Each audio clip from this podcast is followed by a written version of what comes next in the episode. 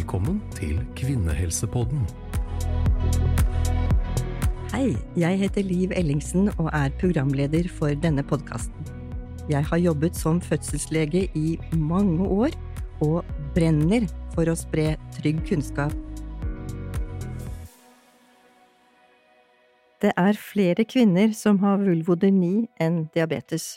Likevel er ordet ukjent for mange, også for helsepersonell. I dag snakker vi om hvordan det er å leve med underlivssykdommen vulvodyni. De som skal lære å fortelle oss om vulvodyni, er hudlege ved Vulvapoliklinikken og forsker Anne Lise Helgesen ved Nasjonalt senter for kvinnehelseforskning, Oslo universitetssykehus, og styremedlem Helene Gjelsa i Vulvodyniforeningen. Annelise har kjempet for mer kunnskap og åpenhet om vulvasykdommer i mange år. I jobben som hudlege møter hun flere med vulvalidelser, og som forsker arbeider hun for å finne ny behandling. Helene, du kjemper også for mer åpenhet og kunnskap om vulvodyni, og har selv erfart hvor smertefullt det er å leve med denne sykdommen. Så tusen takk for at dere er her i dag, begge to. Så Annelise, da går vi rett på sak. Hva er egentlig vulvodyni? Eh, ordet vulvodyni i seg selv eh, betyr egentlig bare smerte i underlivet hos kvinner. Men det har også en egen definisjon som vi ofte bruker, og det betyr at det er kronisk smertetilstand i ytre kjønnsorgan hos kvinner, hvor man ikke finner tegn til annen sykdom eller sikker årsak. Og når vi kaller det kronisk, så mener vi at sykdommen må ha en varighet på minimum tre måneder. De fleste av de pasientene vi ser, har jo hatt sykdommen mye lenger enn tre måneder, ehm, men definisjonen er sånn, og man kaller det eh, som to forskjellige grupper, enten er den generalisert, eller så er den lokalisert. Ja. Og den generaliserte, den rammer for det meste godt voksne kvinner, altså kanskje rundt menopausen, altså overgangsalderen. Generalisert, da mener du mer utbredt? Ja, da har de altså smerter egentlig i hele vulvaregionen, altså ytre mm, kjønnsorganer, og kan ikke helt beskrive akkurat hvor de smertene sitter. Og den andre gruppen, den er den vanligste, det er da den lokaliserte vulvodynien, som rammer mye yngre kvinner. Og som er på et mindre område? Ja, et mye mindre område, gjerne akkurat rundt skjedeinngangen. Det kan være sånn at det ikke er noe vondt ellers rundt, men akkurat hvis man berører skjedeinngangen, så vil det bli smertefullt. Og disse kvinnene, de vil da kanskje ikke klare å sette inn en tampong, og de vil heller ikke klare å ha samleie, fordi det utløser denne smerten, da. Du sa at uh, man måtte være sikker på at det ikke var noe annet. Hva er det egentlig kan, denne sykdommen kan forveksles med? Det store problemet er kanskje ikke egentlig at den forveksles med noe, det store problemet er at den ikke blir registrert i det hele tatt. Ja. Og årsaken til det er at man ikke kan se noe. Man ser ingen forandringer i eh, vulvaregionen. Det er en skjult sykdom? Ja, så du må ha spesiell kunnskap for å vite hva dette egentlig er, for å klare å diagnostisere det. Men det er klart, den har litt av de samme symptomene som en soppinfeksjon, så vi vet at veldig mange kvinner eh, tror i første omgang når dette kommer, at dette er sopp, og så har man jo da muligheten til å gjøre en egenbehandling av den soppen. Eh, så kjører man på med gjentatte soppkurer uten å få undersøkt hva det er, og kanskje ikke få diagnostisert om det er en sopp eller ikke. Og da er du inne i en litt eh, farlig sirkel. Så vi anbefaler jo alle å ikke behandle seg så veldig mange ganger selv med en soppkur, men å ta kontakt med lege for å få det nærmere undersøkt. Kontakt til lege er viktig. Ja. Vi er jo leger og snakker veldig greit om vulva, men det er ikke så kjent for alle. Kan du si hva, hva er vulva? Vulva er jo da den ytre kjønnsorganet hos kvinner, og veldig mange forveksler dette med vagina. Så vulva og vagina er faktisk to helt forskjellige ting. Og jeg er litt opptatt av at det skal uh, differensieres, og at man skal kunne forskjellen på dette, for vagina er egentlig et ganske uinteressant organ i forhold, for det er bare en liten et lite rør, på en måte, som, kroppen, ja. ja, som, som forbinder da vulva med eh, livmorhalsen.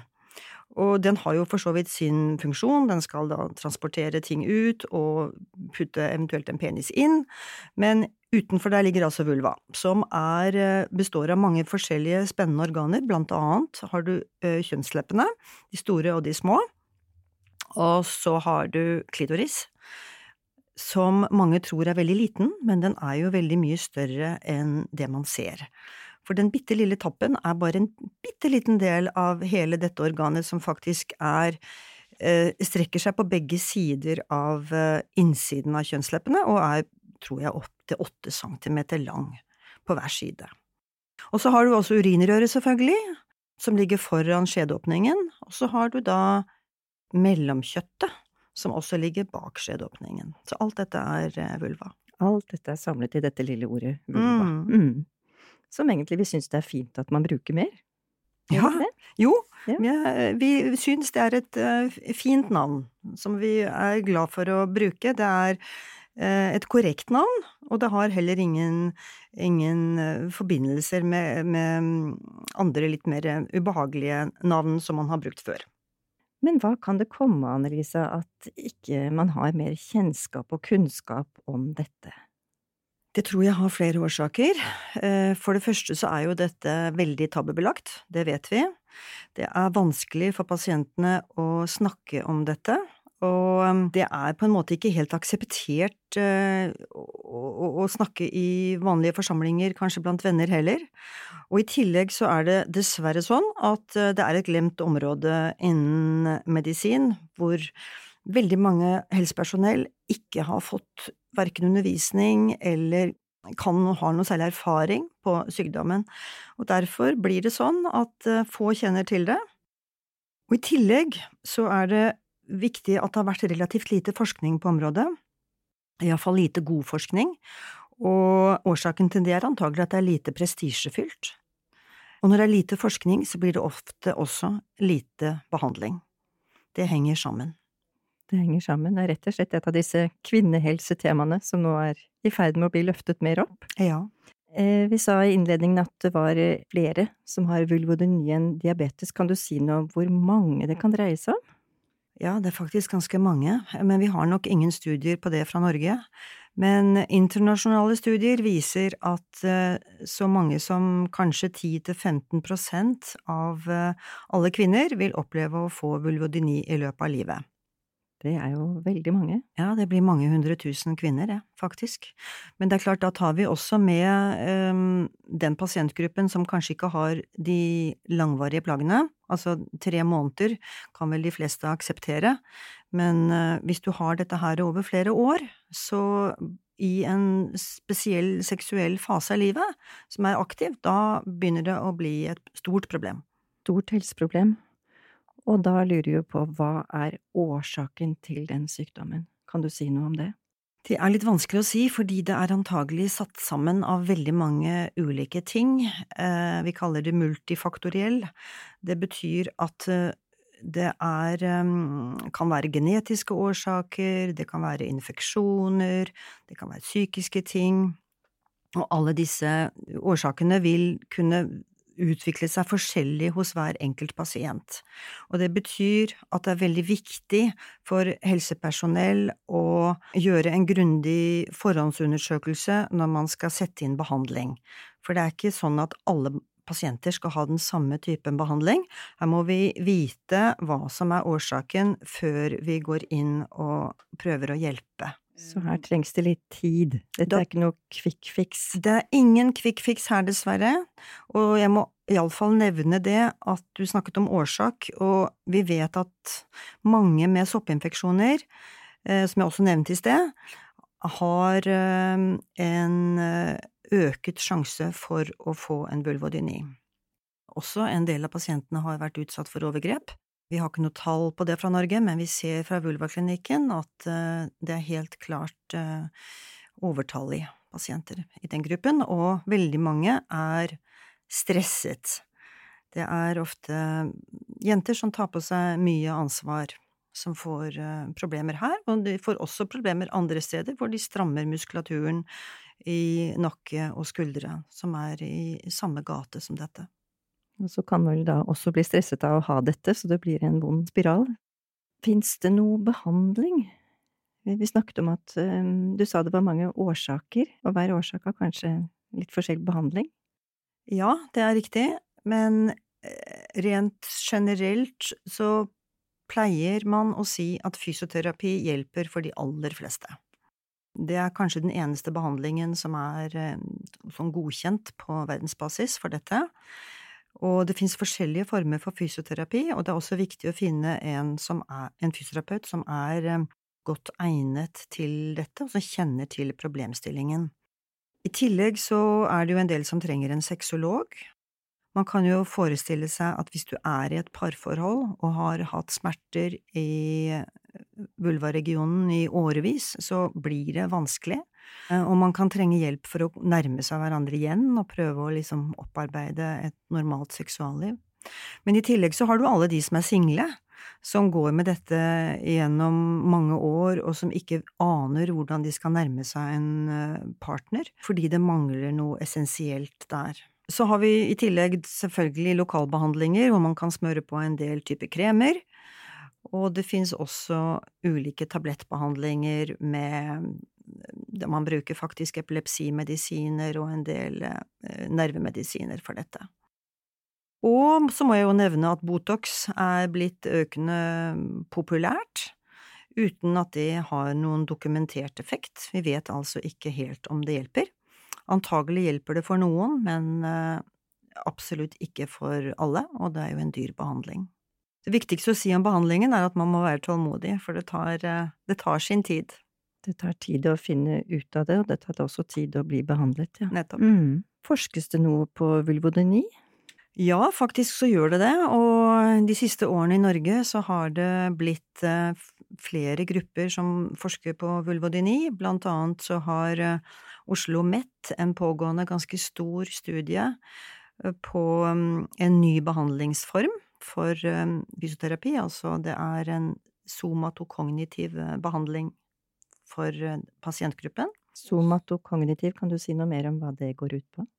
Ja, det går på litt mer helhetlig um, tilnærming av uh, smerte og muskelspenninger. Ja. Mm. Og i tillegg så har eh, Trondheim en sammenlignende studie hvor de ser på ulike behandlingssteder, altså Vulvaklinikken i Trondheim kontra behandling hos gynekologer ute i byen, og hvordan dette fungerer, hva som, hva som rett og slett er best. Mens i USA driver de nå med en ganske stor studie hvor eh, disse store, kjente vulvaekspertene prøver å sette seg sammen og komme til en enighet om hva som er den beste behandlingen. Så det blir veldig spennende.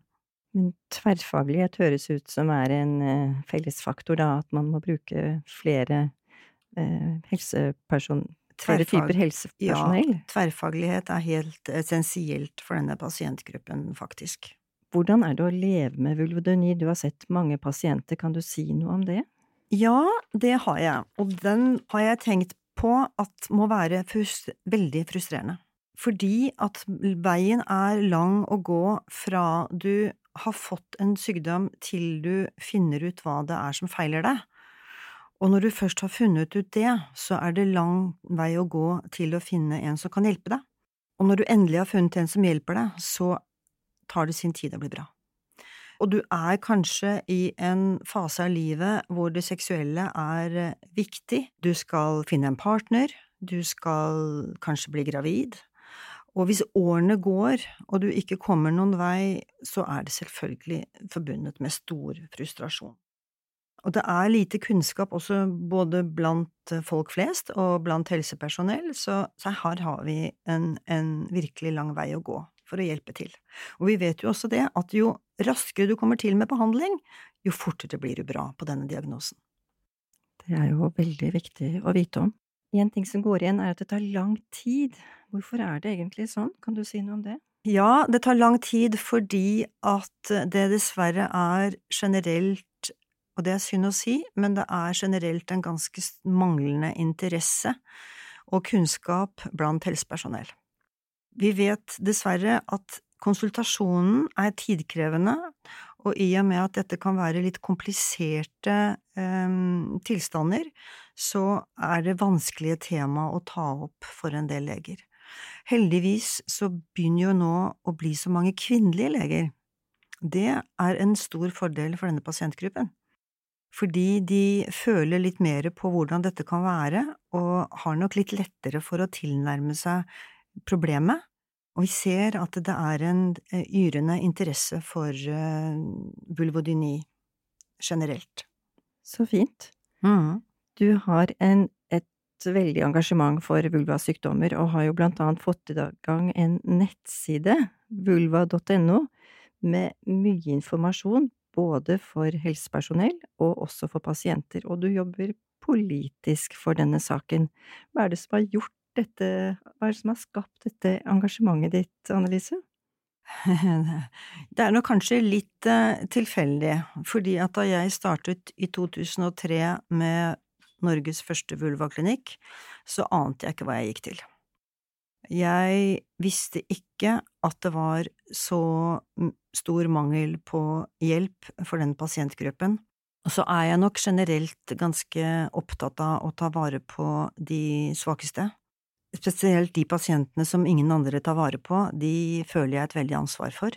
Og jeg så denne frustrasjonen blant pasienter, og jeg ble frustrert, for her eh, var det virkelig en pasientgruppe å ta tak i som ble fullstendig neglisjert, og jeg kunne ikke forvente at den pasientgruppen sto frem selv. Dermed måtte jeg være deres representant og gå foran og, og, og vise, jeg holdt på å si resten av verden, at uh, her er det noen som trenger hjelp. De trenger å bli sett. Og tiden har gått, og det har ikke skjedd noen ting. Så jeg ble veldig u... Jeg ble utålmodig, rett og slett. Jeg følte de hadde krav på å få tilstrekkelig helsehjelp, sånn som alle andre har. Og all ære til deg for det. Syns du at det har skjedd noe på disse årene som du har jobbet så engasjert med dette temaet? Ja, det har jo faktisk det. Selv om jeg er en utålmodig sjel eh, som syns det har gått sent, så når jeg ser tilbake da på de 20 årene som jeg holdt på, så visste jo folk knapt hva vulva var. Vi måtte begynne i det små. Og etter hvert så har det jo blitt en, en økende interesse blant eh, helsepersonell vi har startet eh, en eh, Det er startet en, en pasientorganisasjon. Det er startet et vulvaforum bestående av 300 medlemmer, som alle er helsearbeidere som jobber med dette.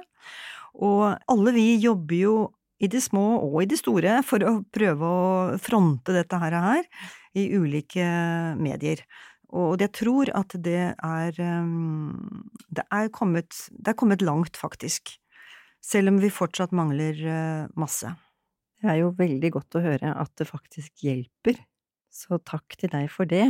Men nå skal vi over til Helene. Hvordan er det å leve med vulvodyni, Helene? Kan du fortelle oss litt om det? Eh, ja, eh, altså for min del så er det mye at, eh, at de vanlige dagligdagstingene gjør vondt, at du må tenke på mye mer. Sånn, du tenker på å endre på hva du går med. Du går ikke i jeans, for eksempel. Du tar ikke og sykler til jobb og skole. Eh, du sitter ikke så lenge nede. Eh, fordi det er vondt å sitte. Du sitter ikke med beina i kryss lenger. Selv om jeg gjør det nå, så er ikke det noe jeg kunne gjort for et år siden. Eh, og det en det, det, gjør jo at det blir en psykisk påkjenning med at du, du hele tiden tenker at det, at det, du går rundt og har vondt hele tiden, eller majoriteten av tiden, da, og, og eh, du føler deg veld, ofte veldig aleine om smertene, for det, det, er veldig få som prater om det. Og det er ikke så kult å gå rundt og si 'nei, sorry, jeg kan ikke være med på det, jeg har vondt i tissen i dag'. Det mm. blir Det er liksom ikke hva skal jeg si, sosialt akseptabelt, da. Så er det jo òg det at du har gjerne en om du har en partner hjemme, så du, får du dårlig samvittighet overfor dem, for du ikke kan måte, levere det samlivet som samfunnet forventer at skal leveres, på en måte, av deg, da. Og det er jo heller ikke noe man kan se, så det er jo ikke noe som er tydelig for andre. Nei, og det blir liksom at plagene bare er usynlige. At det, det, er ikke en, det er ikke en infeksjon, det er ikke et sår, det er ikke noe blod som strømmer, eller noe som kan opereres vekk. For vulvaen ser jo, sånn som jeg kan se det, normal ut. Det bare er veldig, veldig vondt. Når merket du først at det var noe som ikke var som det skulle? Gjennom årene, når jeg husk, tenker tilbake igjen på det, så har jeg hatt at det har svidd i underlivet, men når jeg har gått med trange jeans, sittet med beina i kryss, så det lenge nede. Men det var i fjor sommer. Så var jeg eh, borte et eh, par uker hjemme og jobba. Så kom jeg tilbake igjen til Oslo, skulle ha samleie med kjæresten min, og da var det eh, ikke mulig full eh, fosterstilling på gulvet, og det var Og tårene rant, og Så det tror jeg gjorde det var en positiv ting, at det gjorde så brått så vondt. For da visste jeg med en gang at det, her er det noe galt. Her må du gjøre noe med det. Ja. Mm. Hvordan ble du da møtt av helsevesenet når du oppsøkte? Ja, som Annelise sa, så var jeg veldig heldig å ha en ung kvinnelig lege. eh, som var jo kjempefordel, og hun tok liksom seriøst med en gang. Men de har jo protokoller, de òg. Så selv om hun ikke tenkte at det, dette her er ikke klamydia, dette er ikke mykoplasma, det der er ikke noe, så måtte hun teste for alt først. Eh, og blei veldig møtt med at det, dette her er et seriøst problem, dette må vi liksom ta tak i. Og etter et par tester og runder på fastlegekontoret, så ble jeg sendt videre til gynekolog. Ja. Eh, og der var det eh, litt mer den eh, vanlige gynekologiske undersøkelse, en soppprøve, som da ofte blir tatt, eller ofte blir eh, tenkt på. Eh, og så var det eh, ta to Ibux 30 minutter før samleie, og sjekk om de har fysioterapeut en plass. Så Så det var det rådet du fikk. mm. Var det noe behandling som virket for deg? Ja, fysio har hjulpet veldig bra for meg. Ja. Så i dag så er jeg, eh, hva skal jeg til å si, degradert til eh, mild vaginisme og overfølsom vulva, litt mot mild vulvodyny. Så det har jo absolutt hjulpet meg veldig mye. Det er jo veldig godt å høre at du Mm. faktisk har fått hjelp. Hva tenker du at politikere og helsevesen kan gjøre for å gjøre det bedre for kvinner som har vulvodyni? Altså, det er jo For politikerne så er det litt mer det å øremerke penger. Vise at disse pengene her skal gå til å bemanne en vulva-poliklinikk. Eh, fordi at det er det som er i dag, så er mye av behandlingen foregår i det private. Av private fysioterapeuter, private osteopater. Eh, fordi at det er der det ikke er kø. Jeg sendte jo en mail til en, eh, til en sånn fysioterapiklinikk i Oslo. En av de få som har avtale med, der behandlingen er mye billigere. Eh, der var det seks måneders ventetid. Eh, og ja, da er det jo veldig, veldig lenge når man går og har veldig vondt. Ja, det er nettopp det. Eh, og da er det jo Da skiller det jo igjen på en måte på de som har ressursene, og de som ikke har ressursene, til å gå eh, privat, og til å ikke ha muligheten til det. Det merker jo jeg òg liksom, i arbeidet med foreningen, at det er veldig mange som ikke har muligheten til å gå privat når det er i de private. Mye av behandlingsressursene ligger, så er det at eh, enten så må de vulvapoliklinikkene opp og stå eh, med større bemanning og med flere eh, på flere helseforetak, eller så er det nødt til å gi støtte til eh, kvinnehelsefysio på samme måte som det gis til om du har eh, går til fysioterapeut for du har vondt i ryggen. Eh, det skjønner jeg, det er liksom Det må det gjøres, liksom. Det høres Ja. jo som et veldig viktig tiltak. Og i tillegg til at man oppsøker mange forskjellige, så mister jo man denne tverrfagligheten som disse klinikkene kan ha, da. At det er flere som Mm. ser på et problemstilling fra hver sin kant. Det må jo være veldig Mm. viktig. For nå er det sånne klinikker bare i noen store norske byer, er det ikke det? Jo, det er jo i Oslo, der Annelise jobber, så er det jo i Tromsø og i Trondheim. Og den i, den i Tromsø har jo åpent en halv dag i måneden. De kan ta inn tre pasienter i måneden. Og den i Trondheim har åpent to halve dager i måneden.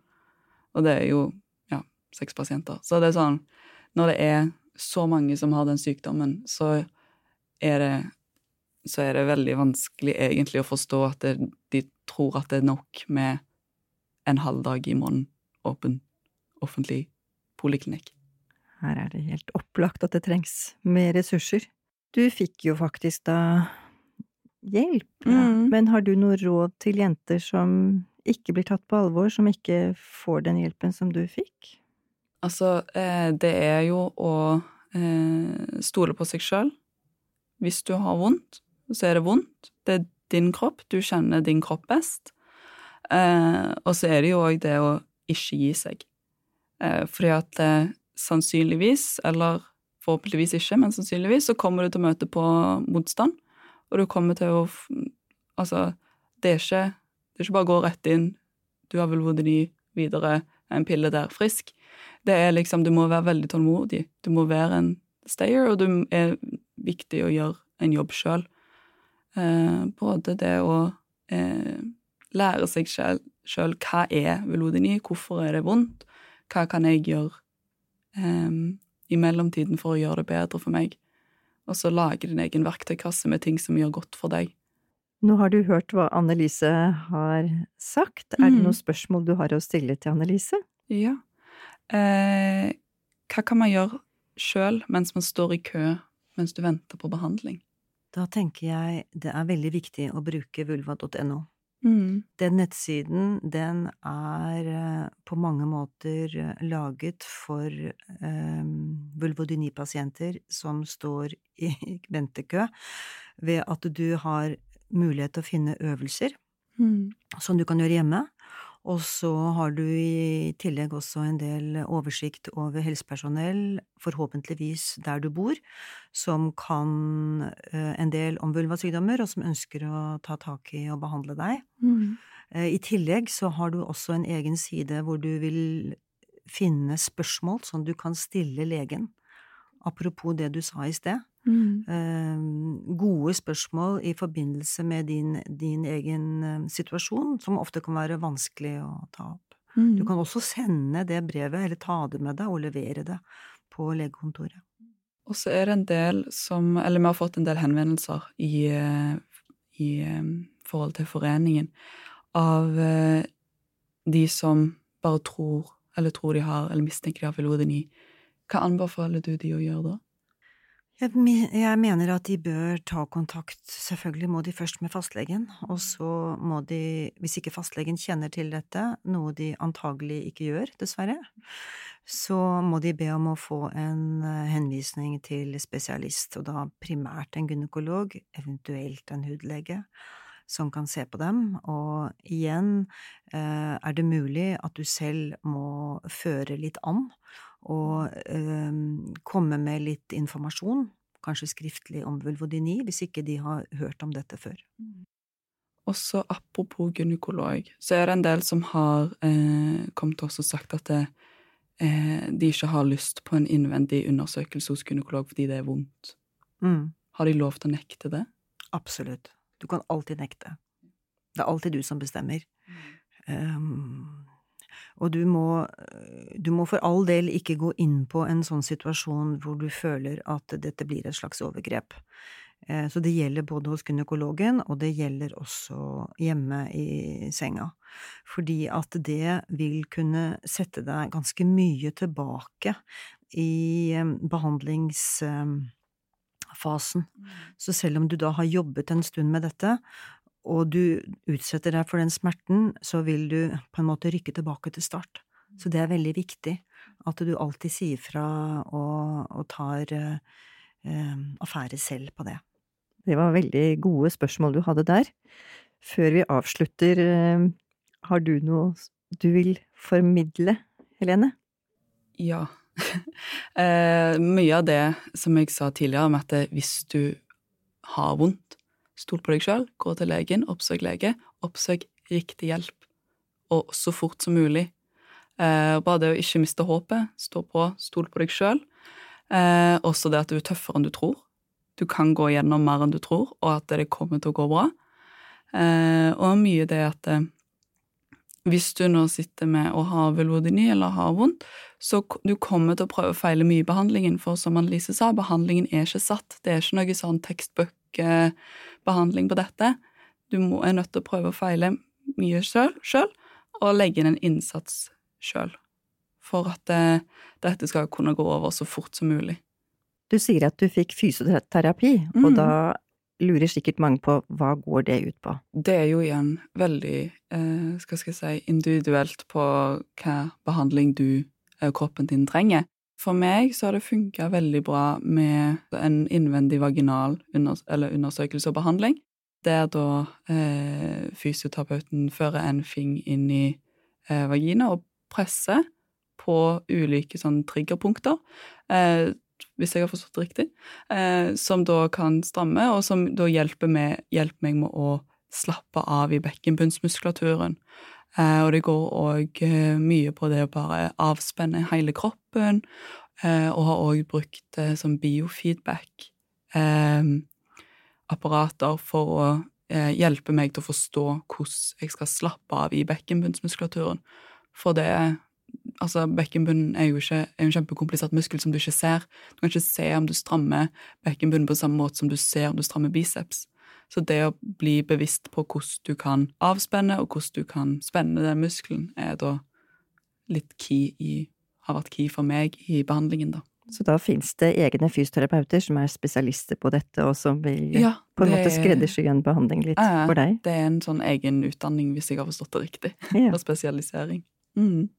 det var veldig fine ord fra deg. Og så har du med deg en historie fra en pasient, Annelise. Ja, dette er et brev jeg fikk eh, fra en pasient med et fortvilet rop om hjelp. Eh, Denne historien er eh, anonymisert. Hei, Annelise. Jeg sender deg denne mailen fordi jeg har lest en del om deg og din forskning. Jeg vil gjerne fortelle deg litt om meg selv, og her er mitt rop om hjelp. Jeg har slitt nå siden jeg var 15 år med soppinfeksjoner. Jeg har fått mye medikamenter for dette, men det har blusset opp igjen, gang på gang. Jeg har nå fylt 23 år. Etter hvert fikk jeg mer vondt, noe som ikke tydet på en soppinfeksjon. Jeg ble tørr langt opp i skjeden, jeg fikk sår utenpå og innenfor kjønnsleppene. Det føltes som jeg hadde blitt kuttet, litt den følelsen av et skikkelig papirkutt. Jeg gikk til min første gynekolog som 17-åring. Han følte et evig mas fra meg på grunn av disse soppinfeksjonene, og sa at jeg ikke trengte å komme så mye som hver uke for dette problemet. Jeg fikk piller og krem. Til slutt ble jeg avvist med beskjed om at nå var det nok med alle disse besøkene. Han sa alt var som det skulle, selv om jeg selv fortsatt følte at noe var galt. Jeg følte jeg ikke fikk den rettferdigheten eller behandlingen jeg trengte og burde få. Jeg dro da til en privat gynekolog, og det fortsatte med soppinfeksjoner. Jeg fikk de samme pillene og kremen som jeg hadde fått før. Jeg fortsatte å gå til denne gynekologen, og vi begynte etter hvert å prate på telefon ettersom det var det samme problemet om og om igjen. Men så plutselig forandret alt i underlivet seg. Det begynte med åpne sår. Jeg ble tatt masse prøver av, og alt så ut til å være bra, det begynte med kremer og kortisonkremer denne gangen, flere ulike typer. Jeg fortsatte å gå til gynekolog nummer to, fikk nytt på nytt med, med kremer. Ingenting hjalp. Jeg fortalte denne gynekologen at nå har jeg prøvd alt du har gitt meg, og ingenting fungerer. Jeg klarer så vidt å sitte, eller sitte på huk, eller tørke meg etter et toalettbesøk. Hun sa at dette ville gå over.